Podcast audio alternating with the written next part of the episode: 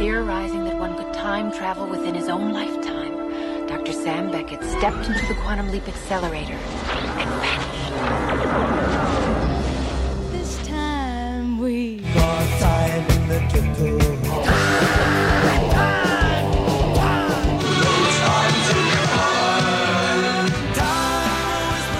Hei og velkommen til Radiotidsmaskinen. Eh, navnet mitt det er Marius Øvsti, og med meg så har jeg Hei sann, Knut Martin her. Hei, Knut Martin Christensen. Du, vi eh, er ute eh, på reise, vi. Vi er ute på reise, og klokka er to på natta. Klokka er to på natta. Vi befinner oss på si, to steder i tid og rom. Vi befinner oss til dels på Kulturhuset den 12. september i år. Der vi Ja. spilte eh, det her DJ-settet som vi nå snakker om live. Eh, Det DJ-settet finner du på Mixcloud hvis du f.eks. er på iTunes nå og lurer på hva all vide verden vi snakker om. Mixcloud slash Radiotidsmaskinen. Vi, finnes, eh, vi befinner oss også i Colorado. Ja, Colorado 1969. Og eh, som sagt så er vi kommet til klokka to, og vi har en time igjen, en time og 15 minutter igjen av settet vårt, hvor vi har spilt oss gjennom alle statene i USA. Ja, og vi skal da fra Colorado og gjennom ja, The Heartlands. Eh, gjennom Nebraska, gjennom Kansas, inn gjennom eh, Tennessee, ikke minst. Før vi da ender opp tilbake igjen i Chicago, der vi starta fire timer og 70 år tidligere. For vi skal faktisk helt til 1926 i den timen her. Men før vi begynner reisen vår og snakker om de låtene som vi spilte i time fire, så spiller vi en låt. Ja, for vi hadde jo med eh, Vi skulle jo dekke alle stater. Vi har laga oss en kart som vi faktisk eh, fulgte etter, sånn noenlunde riktig. Men så er det klart det er to stater som ikke befinner seg på, eh, på den kjøreturen. Eh, det er Alaska, som ikke er så lett å, å ta med på en sånn tur, og ikke minst Hawaii. eh, så vi hadde to låter som nevner Hawaii. Eh, det ene var Zappa sin 'No Not Now', eh, og den spilte vi. Så da eh, trengte vi ikke å dra fram eh, reserven vår, for å si det sånn, som var eh, The Kings sin 'Holiday in Waikiki'. Da hører vi på den. Ja,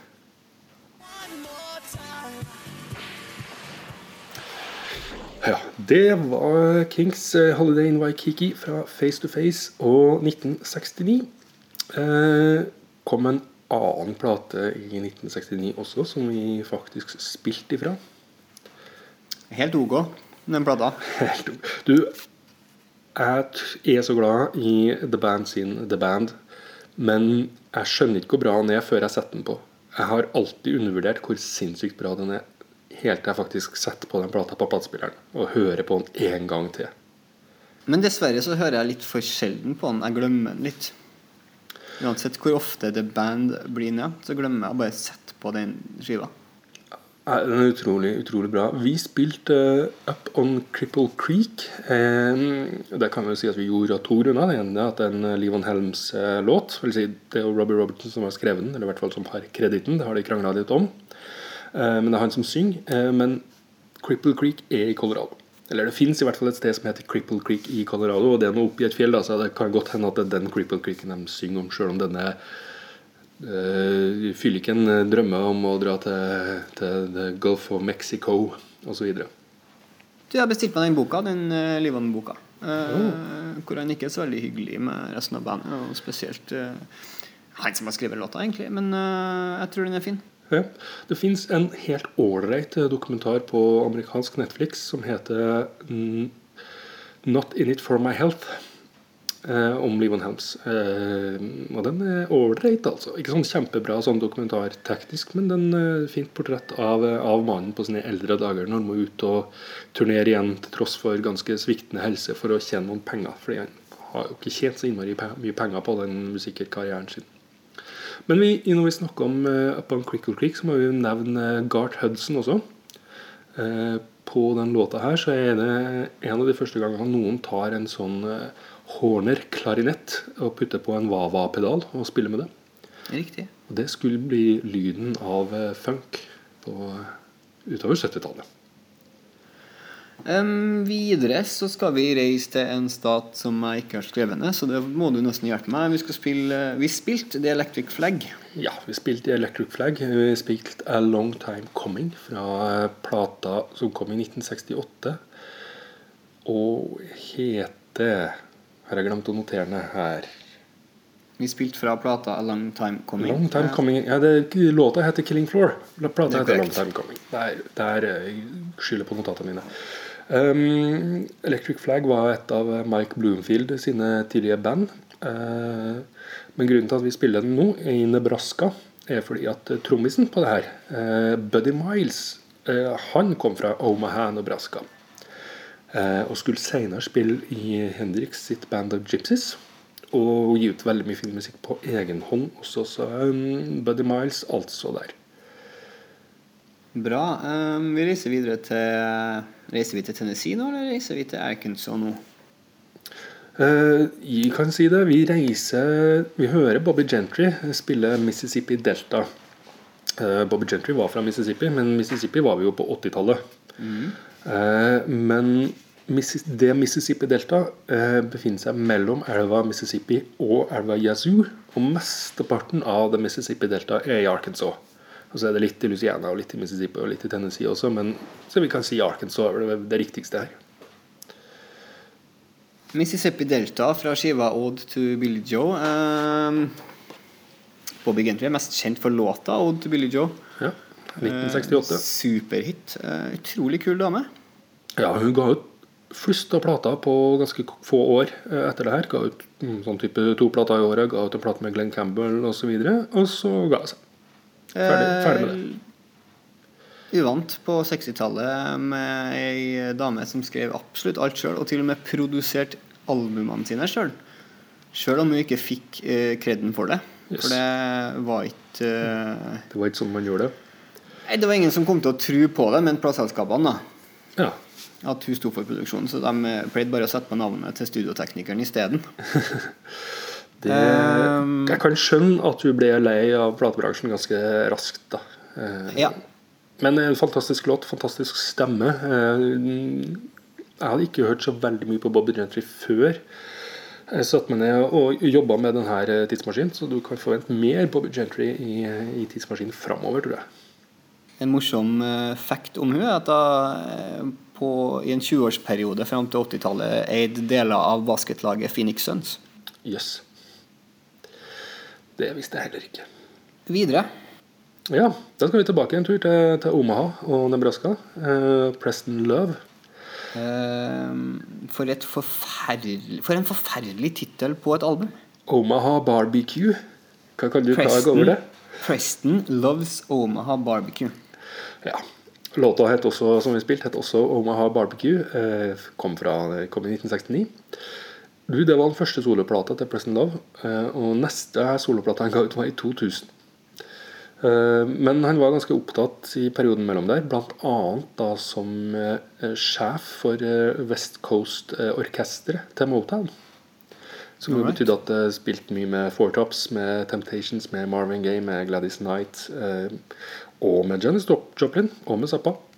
Og med Count Basie og Ray Charles. Så um, han fikk spilt en del, altså, sjøl om de ikke ga ut så mange soloplater.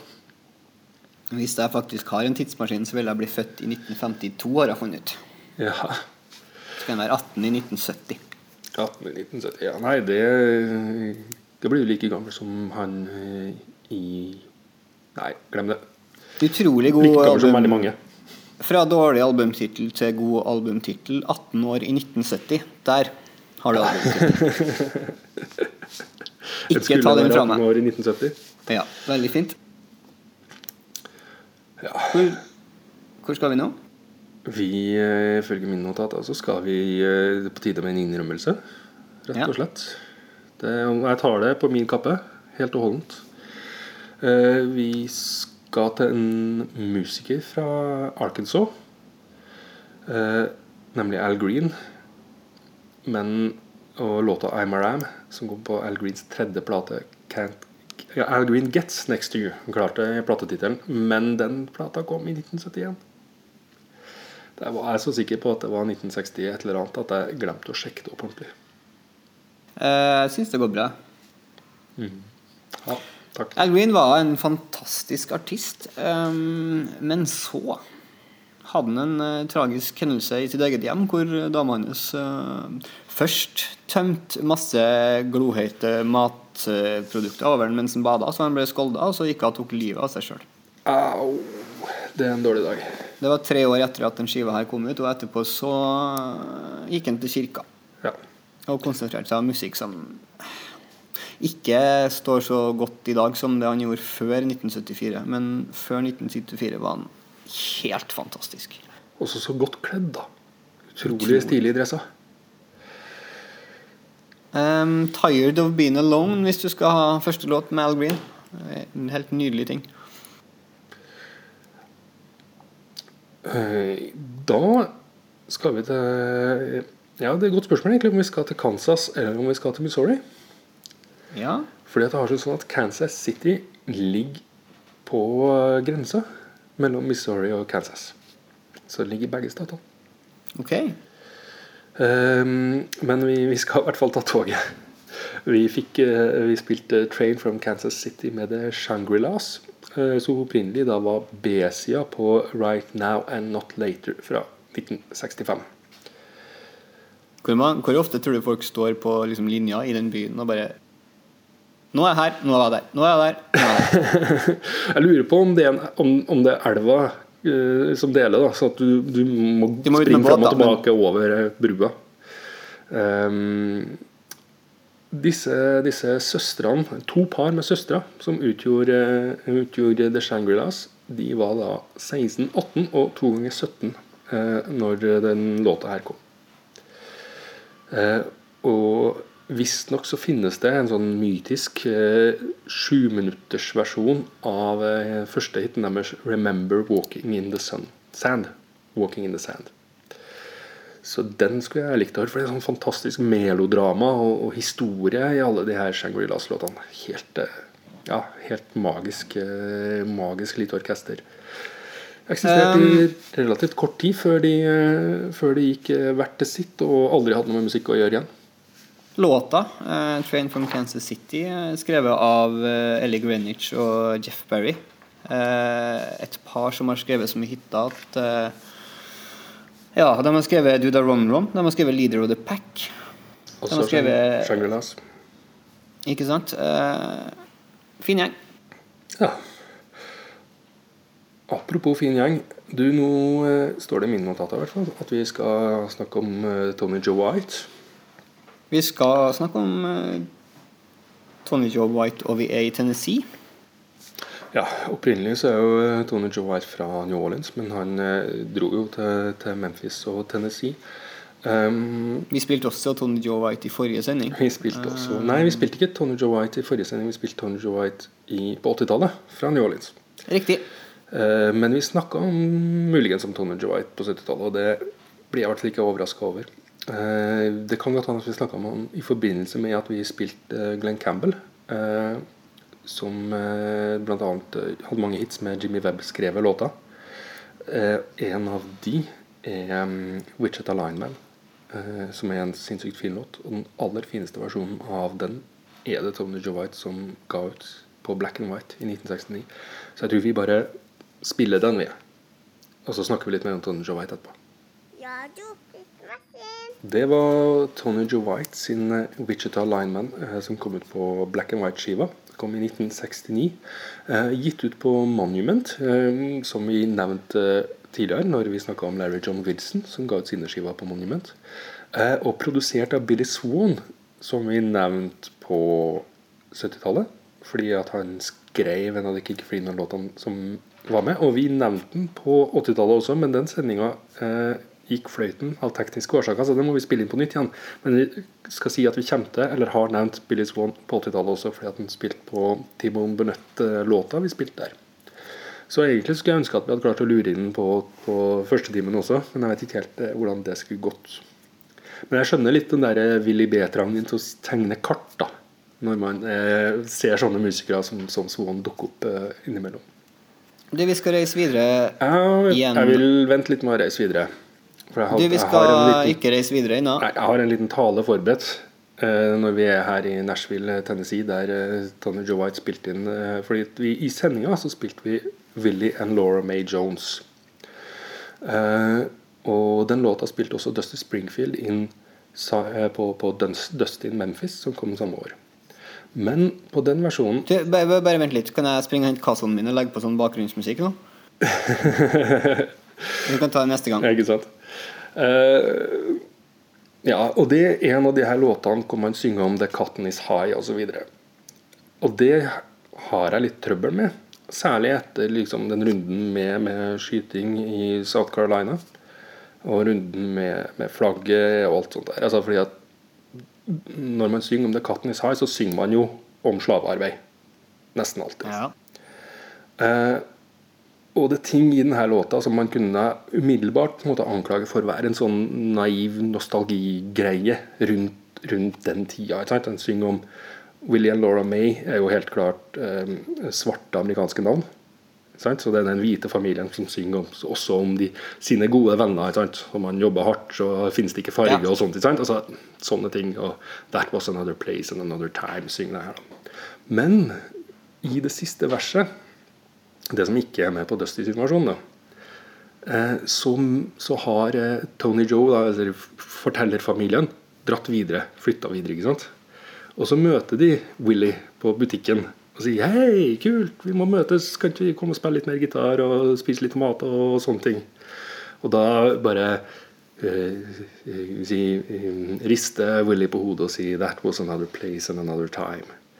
Så jeg forstår det jo da som om at, at det fantes en sosial mobilitet tross alt da, hos eh, den hvite familien som ikke fins for, for den svarte. Sånn at, sånn at den, den eh, fortelleren innser på en måte at, eh, at eh, det var kanskje ikke så lett og enkelt og uproblematisk som, som jeg trodde. Så derfor så er den med, til tross for Katten is high-synginga. Veldig bra. Ja. Da skal vi reise videre gjennom statene i USA. Um, ja, eller skal vi holde oss til i Tennessee, men liksom stikke litt vestover igjen, tilbake til Memphis? riktig. Det her er så god låt. Det her er så god. Det her, øh, hvor mange låter har Isaac Hayes skrevet? Én uh, million. en million. Hvor mange låter har David Steve Cropper spilt gitar på?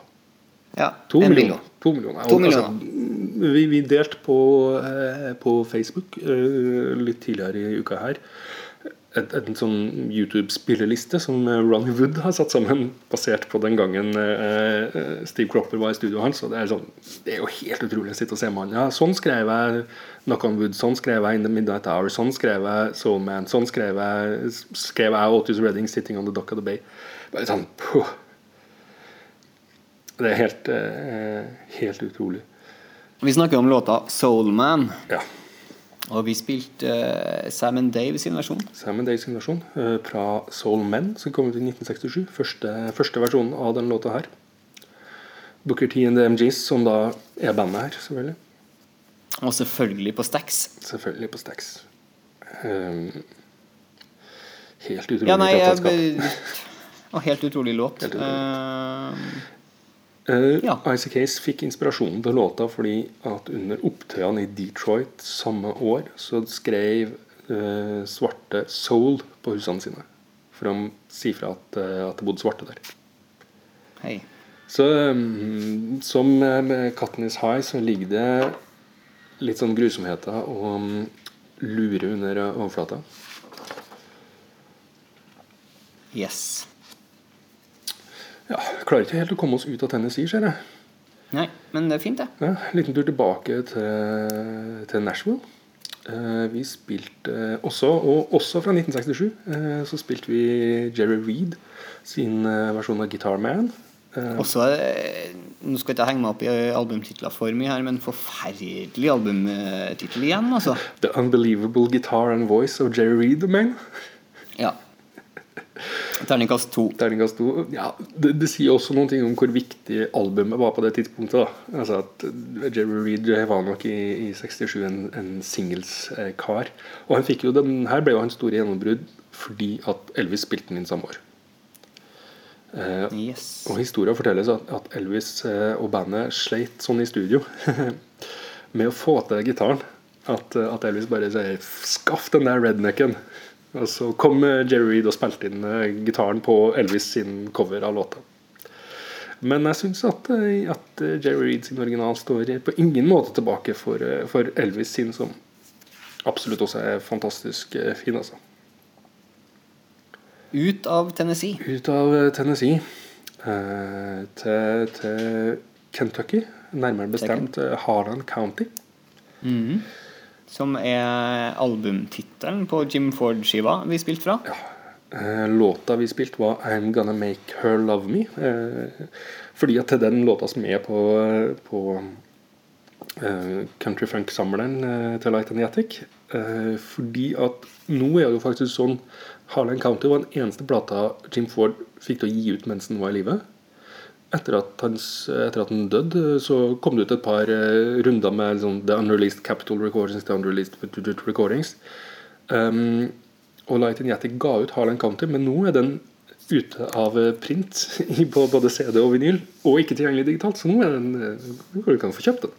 Så vi rakk ikke å få kjøpt den. Vi skal tråle eBay og alt sånt. Vi lover å få tak i den plata, men, men akkurat nå så hadde vi den ikke, så da måtte det bli ja, Ikke at det er noe galt med den låta, den er helt fantastisk. Fantastisk låt. Uh, Stevie Wonder-låt. Uh, fra 1968. Året før, altså. Ja. Men ellers er Jim Ford kjent for å skrive masse låter som andre har spilt inn. Uh, største hiten var kanskje Harry Hippie, med, som eh, en annen tidsmaskinfavoritt, Bobby Womack, spilte inn. Eh, og så ser jeg også i lista altså han eh, spilte Nick Love har spilt låtene hans. Uh, Princess Watch har spilt låtene hans. Og, og um, det er en eh, Jim Ford-låt på den Ode to Billy Joe som vi snakka om for bare få minutter siden.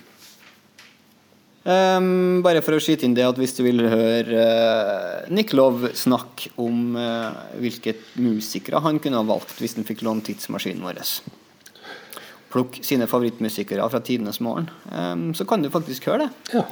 Det går på eh, iTunes. Du går på iTunes, uh, eller du går på, på Mixcloud på tidsmaskinen. Uh, hvis du hører på oss på iTunes, så får du ikke noe musikk. Hvis du hører på oss på Mixcloud, så får du musikk. Så Mixcloud er, er best, da. Men iTunes er veldig ålreit, det òg. Vi skal reise og besøke Johnny Cash. Vi skal reise og besøke Johnny Cash. Skal vi si at vi fortsatt er i Tennessee, da? Eller skal vi si at vi har dratt til Arkansas, hvor eh, Johnny Cash var fra? Du kan velge. Ja, vi kan vel kanskje si eh, eh, noen elver i nærheten. Vi spilte i hvert fall Big River eh, fra, fra Johnny Cash sin eh, Ja, fra 1958. Selvfølgelig har spilt inn i Sun med, med Sam Phillips. Eh, fra The Songs That Made Him Famous. Så igjen Singlene hadde vært ute en stund. Det var det som var det viktigste her.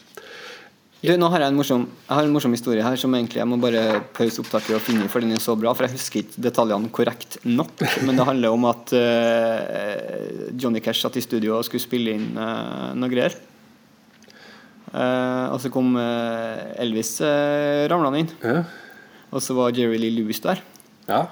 Eh, hvor er den historien fra? Den er det plass- fins det, det finnes. The, The Million Dollar Quartet. Um, Ja, ja, den skulle jeg dra inn nå, men så husker jeg. For det er, hvem var den siste mannen der? Eh, Den siste mannen er jo selvfølgelig uh, mannen som skrev Blue Suede Shoes. Uh, Carl Perkins. Den første som solgte en million uh, plater. Eller solgte plater for en million. Nå husker jeg ikke i, i farten. Av den Ok, gjengen der. Ok, så Johnny Cash sitter i studio og legger noen spor, og så eh, kommer eh, Elvis gående inn. Og eh, har da um, Hva kalte hun, sa du? Som skrev Blues Edge Hus? Carl, Carl Perkins. Carl Perkins sitter i studio ved siden av øh, og legger noen spor og har med seg J.D. Lewis uh, som session-tangentmann. og så finner de ut at hei, når alle dere fire er her, kan ikke bare spille inn noen låter? Nei, det fins det som The, The Million Dollar Quartet. Eh, jeg vet ikke om jeg har egentlig hørt på det. Ikke jeg heller, men det skal vi gjøre.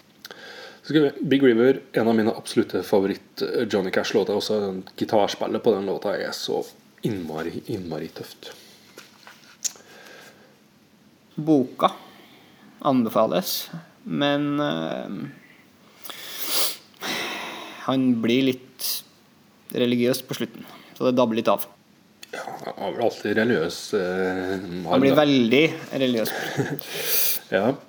Eh, sånn rent musikalsk så er det sjelden heldig å bli religiøs, altså. Vi, vi- vi vet, eh, vi kan, Hvis lyttere har eksempler på folk som har begynt å lage skikkelig bra ting etter å ha blitt religiøs, så vil vi gjerne høre om det. For vi må innrømme at vi har nok flest litt kjedelige eksempler. Og da bruker vi Johnny Cash og Al Green som eksempel i denne sendinga her. Ja, og så skal vi snakke om Candy Staten eh, senere. Og eh, må nok innrømme at det er blitt så mye Eller vi skal ha en sending om Candy Staten senere. Og det er blitt så mye fra gospelperioden hennes. Altså. Det gjør det ikke. Fra Johnny Cash så skal vi reise eh, fra Arkansas eller Tennessee, alt ettersom, eh, til Indiana. Ja Nei, Iowa. Indiana er jo et annet sted. Indiana Det er, bra noen, det er bra noen har eh, kontroll på kartet, fordi eh, jeg må begynne å fly nå. Ja. Nei, vi, vi skal til, til Sioux City. Eh, der er Big Miller fra. Eh, jeg vet ikke så veldig mye om Big Miller. Han har spilt med Duke Ellington og har spilt med, med Count Basie. Eh, ikke gitt ut så veldig mange plater sjøl. Eh, I 1962 så ga han ut en plate som het Sings, Twists and Preaches. Som er en ganske god platetittel, må du spørre meg. Og på den så var Chattanooga Choo Choo som vi spilte. Chattanooga ligger også på reisa vår, men i farten så husker jeg ikke hvor. Om det ligger Nei. i ja, ligger borti her et sted. Så Vi har, vi har ennå ikke lagt ut kartet vårt, det skal vi få gjort. ja, det må vi få gjort. Eh, Det kan vi, det kan vi gjøre eh, så snart den sendinga er på lufta. Så lover vi å legge ut eh, kartet vårt.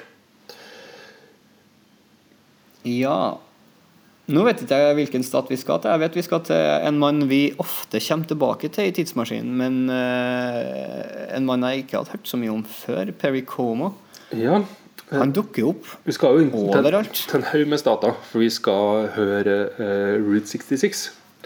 Uh, og den, den dekker jo en bred bunke med stater her, da. Så det, det går bra. Eh, låt skrevet av Bobby Troop eh, på reise langs Jeg tipper Route 66. Highway 40. Jeg hater det. Men så de Vi starta på Highway 40, og da skulle låta het noe med Highway 40. Og så svingte inn på Route 66, og da foreslo kona hans at kanskje Get Your Kicks on Route 66 er en ganske ålreit uh, linje. Og det hadde hun Oh. helt rett i. Det er et bedre refreng enn 'Open Your Door' at Ja. Highway Eh, 4 Nei. Det funker ikke.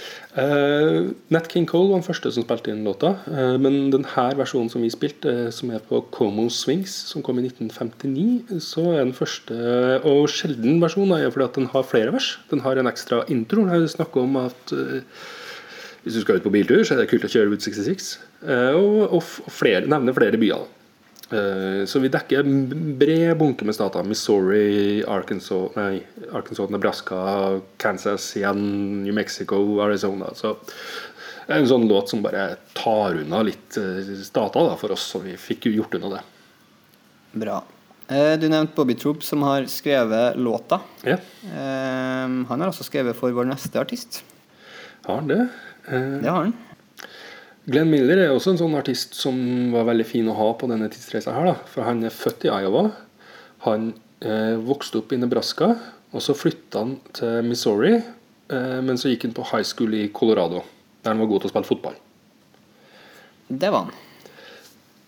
Og han har jo Vi spilte Doing the Jive, som kom Vent litt. Når du sier fotball Amerikansk fotball. Ja, jeg skjønner. Sånn fotball som man ikke bruker beina til. Ja, ok. Det er riktig, riktig, riktig. Ja. Uh, ja, Doing the Jive kom i 1938, uh, og da er vi jo på 78-plata, så her er det ikke noe vits å snakke om noe annet enn at den heter Doing the Jive. Eh, så mm, i tradisjonen låter som forteller deg hvordan du skal danse. Vet du hvordan du tar, gjør danse the jive, eh, Knut Martin? Du, jeg har en historie til deg, fordi eh, jeg pleier aldri å ha nyttårsforsett. Nei? Men jeg hadde et i fjor. Ja? Og det var at jeg skulle gjøre tre ting som jeg syns er så kleint at jeg dør bare av tanken på det. Og det ene det har jeg ennå ikke gjort. ja? Jeg tror ikke jeg rekker det i år, men det var å melde meg på dansekurs. Og bare dukke opp på en sånn her gymsal en plass oppe på Byneset og være med på dansekurs med folk jeg ikke kjente. ja, men hvis du, hvis du tenker at du skal danse the jive, så har jeg noe til deg her. Det er en skytommer jeg fikk gjennom et dødsbo, faktisk. eh, Som du kan se her, heter jive. Da vil jeg bare informere at jeg ser platecoveret, og eh, dere som hører på, kan se det på vår Facebook-side. Ja, og Insta-greier. Eh, det er i serien til Philips som heter 'Calling All Dancers'. Så dette, dette er en plate du skal danse jive til. Det betyr at her på baksida ser du, Knut Martin, så ser du dansetrinnene du trenger for å danse til jive. I slutten av januar 2016 så er det Trondheim Calling i eh, Trondheim. da naturlig nok så jeg lurer på om vi skal gjøre en liten uh, Trondheim Calling The Dancers uh, DJ-sett. Ja.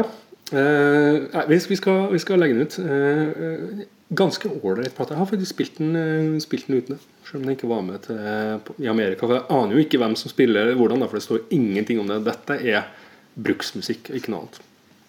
Har du dansa det? Nei.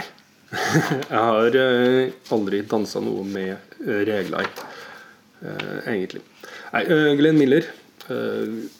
en, en kjempe i amerikansk musikk på alle mulige vis. Spilt med Benny Goodman, eller skrev en del og spilt en del med Benny Goodman. Og Benny Goodman er jo en sentral figur i Radiotidsmaskinens DJ-virke. Jeg vil bare skyte inn at hvis noen av våre lyttere jobber eh, med å selge elektronikk, eh, spesielt headphones, så må dere gjerne sende et par til Marius Øfsti i, på Grønland i Oslo, fordi hans uh, litt billige Apple-produkter de var dette ut av ørene hans her. Jeg har veldig store ører, da. Det hører med til historien. Så uh, hvis du jobber med elektronikk, send noen veldig veldig store headphones til Marius Øfsti på Grønland. Yep. Louis Prima, Marius. Prima, ja. Han kommer vi også tilbake til ganske ofte. Ja, veldig ofte. Ofte den plata her, som heter The Wildest, som kom i 1956. eh, Den gangen her spilte vi St. Louis Blues, så vi er i St. Louis i Missouri.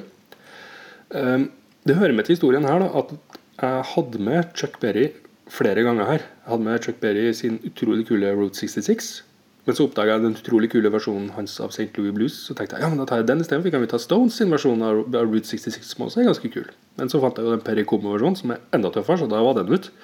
Og så fant jeg da Louis Prima sin St. Louis Blues, som er er et fyrverkeri. Alt Louis Prima drev med, i hvert fall på den tida der, eh, med, med helt sinnssykt. Um, det her er jo en absolutt standard. Den er skrevet av VC Hardy i 1914. Ja. Um, nei, vi, vi må snakke mer om Louis Prima seinere. Jeg kan bare snike inn én fun fact om Louis Prima.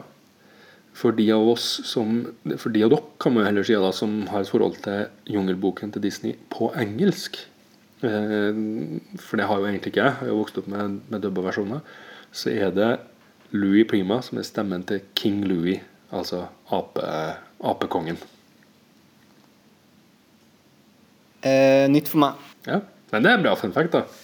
Bra fun fact. Um, en annen mann vi skal snakke mer om uh, senere, vil jeg tro, og som vi også har snakka om før, uh, og som Stian Lundberg snakka om før når Ja. vi hadde han på besøk. Da spilte vi også et uh, betydelig lengre stykke av eh, Miles Davis enn The Move er.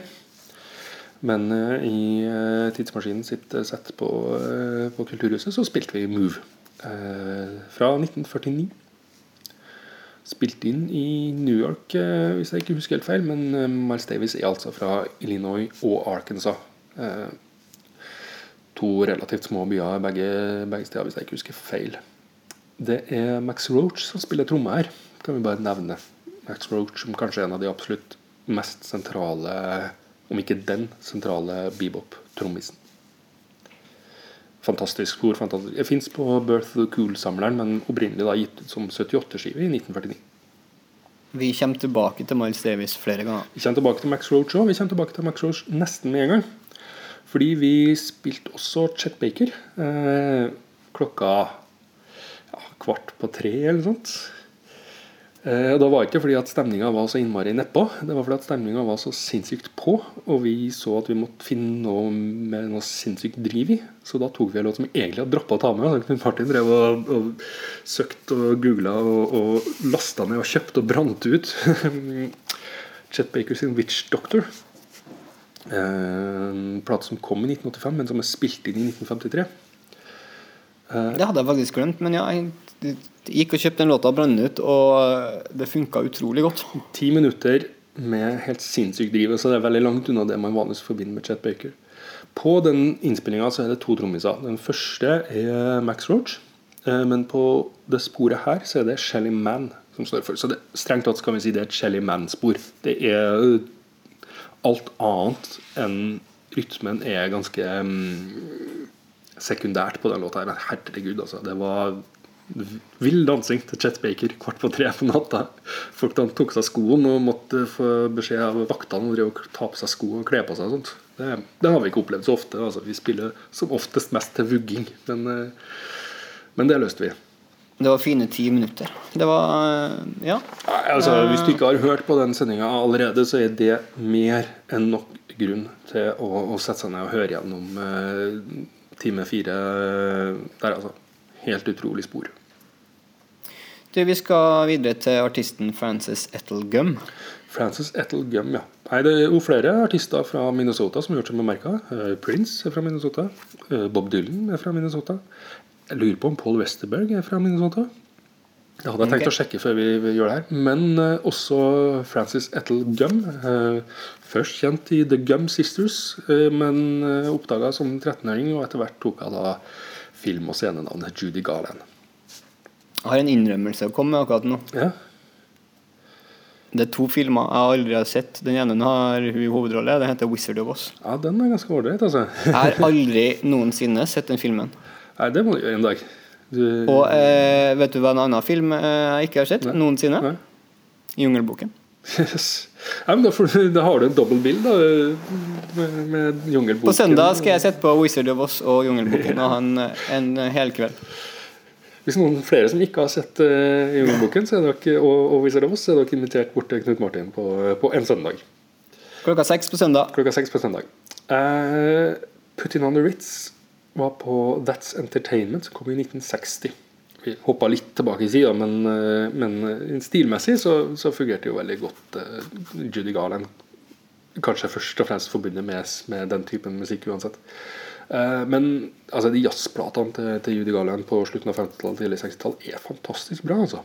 Og mm, mye mer ja, komplekst musikalsk uttrykk enn en jeg trodde når jeg satte meg og hørte på dem. i hvert fall. Det kan jo bare være mine fordommer og ikke andres.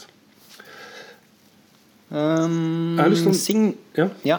ja. Nei, kjør. Nei, Jeg har lyst til å nevne at det er er Jack Marshall som, er- som var produsent på akkurat denne plata her. Um, jeg tror ikke han har noe med Marshall-forsterkerne å gjøre. Eh, men, men jeg er tydeligvis ganske opptatt av lyd, for han ga ut en plate med Shelby Man som heter Sounds Unheard Of. Som en slags demoplate for eh, stereoplatespillere. Hei. Sånn mar markedsført inn mot hifi-entusiaster.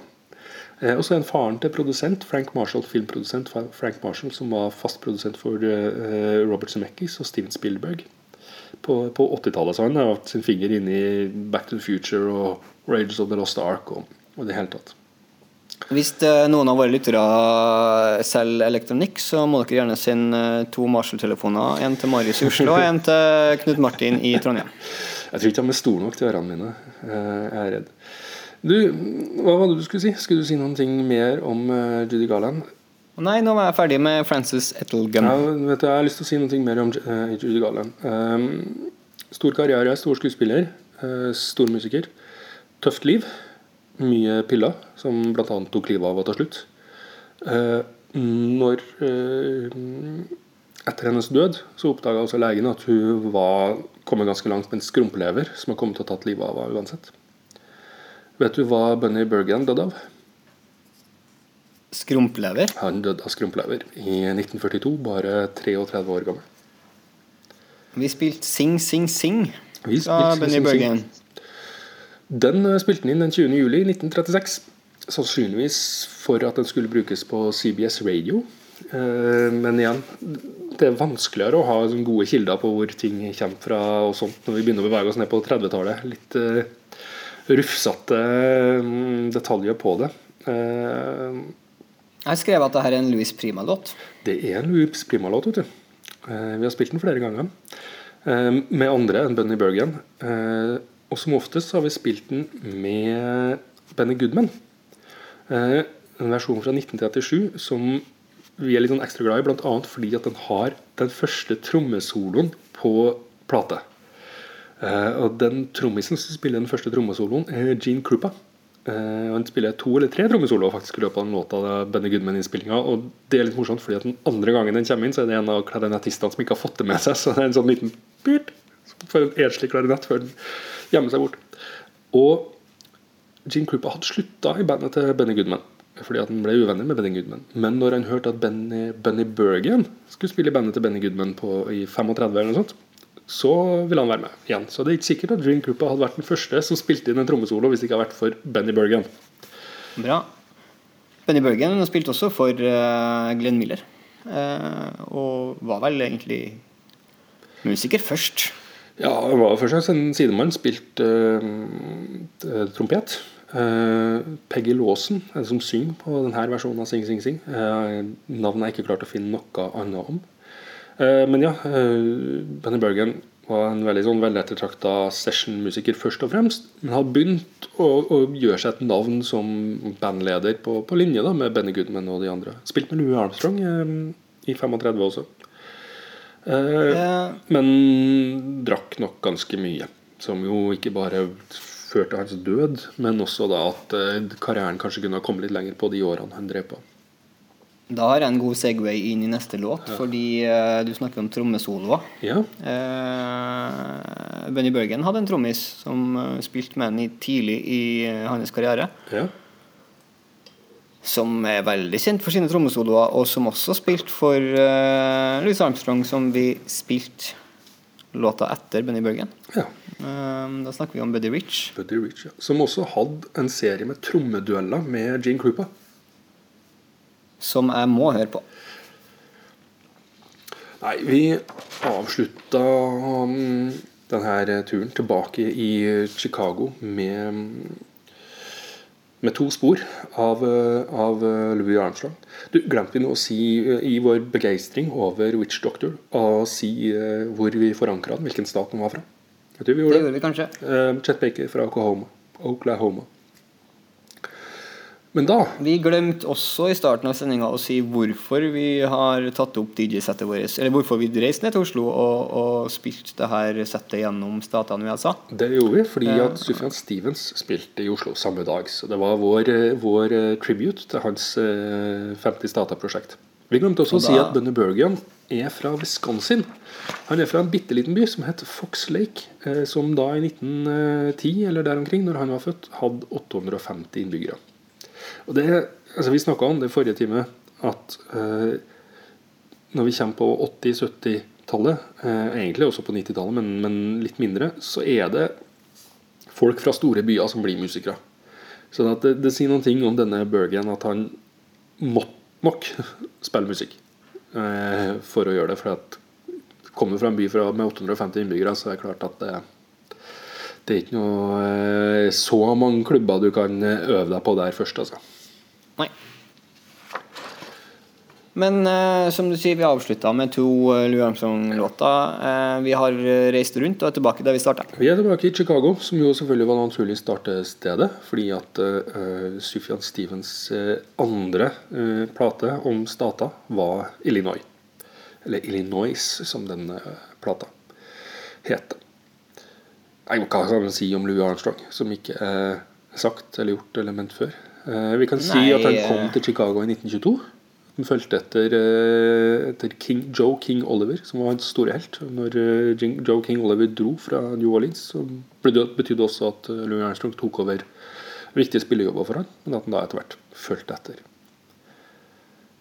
Vi kan si hvilke låter vi spilte også. Vi spilte Først så spilte vi I'm Gonna Get Ya, som han spilte inn med eh, sine Hot Five, som inkludert for øvrig da eh, Lill Hardin Armstrong, kona hans, og pianisten til King Oliver. Um, og vi spilte fra innspilling fra 1928 med Louis Armstrong and His Orchestra. Så spilte vi Basin Street Blues, som ble den aller, aller siste låta på denne tidsreisen. Og da er klokka kvart over tre, og Vi fikk beskjed om å slutte. Og da står ei vakt og veiver med hendene til oss. Vi måtte faktisk krangle for å få de siste ti minuttene også. Men vi hadde blitt lovt dem på forhånd. Her hadde vi en plan. Um, ja, Vi skal avslutte med en låt. Eller hvis du hører på Mixcloud, så skal vi avslutte med en låt. Hvis du hører på iTunes eh, eller på Soundcloud, så må vi si tusen takk for følget. Håper du hører på oss på Mixcloud også. Hører på mm, musikksendingene. Vi kommer tilbake snart med det som egentlig er del to av denne kommentarsporserien. Vi kommer også tilbake om ikke fryktelig lenge med en sending om John Carpenter og 1982. Altså vår første ordinære sending på, på godt og lenge. Så, Ja. Men vi kan jo la iTunes-folket få lov til å høre hva vi spiller helt til slutt også. Jeg tror kanskje vi skal, før vi avslutter, bare nevne at vi, som du sier, skal spille inn en eh, sending med John Carpenter og musikkåret 1982. Kanskje verdens beste musikkår. Jeg Presiserer at en sending om John Carpenter. da Vi har dessverre ikke Ja, John Carpenter i studio. Det var overraskelsen min, da. Men eh, videre i løpet av vinteren, eller før, eh, før året er ferdig, så skal vi også gjøre en eh, sending om eh, 1977, eh, musikkåret, Ja. og, og artisten Steve Hackett. Ja. Og vi skal til 1969 og Candy Staten. Og der har eh, På, på teaser-sendinga for denne høsten her, så har du gått ut til publikum og bedt om hjelp. Fordi 1969 er rett og slett et for bra musikkår. Eh, hvis noen har fulgt med ordentlig og notert, sånn som vi forventer selvfølgelig at lytterne gjør, eh, så vil dere ha ganske mange 1969 bare på den timen her. Jeg vet ennå ikke hva jeg skal gjøre med 1969. Men det blir bra. Det kan, Det blir bra. det, kan at, det kan hende at 1969 bare er de beste låtene fra 1969, og så gjør vi det igjen og igjen og igjen med forskjellige tema. For det er et musikkår. Ja. Men vi skal avslutte med en låt. Det som glimrer med sitt fravær egentlig i denne timen, er jo eh, Chicago Blues. Eller i hele tatt blues. Eh, og vi skal ta en låt som ikke er Chicago Blues, men en låt som handler om eh, eh, Stagger Lee. Drapsmannen Stagger Lee. Og vi nevnte jo tidligere her at jeg samler på låta om Tulsa.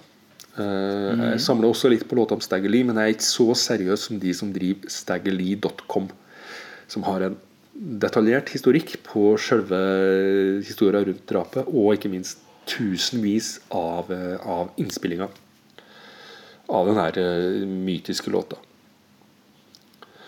I 1928 så spilte Mississippi John Hurt inn det som er den mest definitive versjonen, eller ja, den versjonen som på en måte har eh, skapt historie. Den, den, den man refererer til.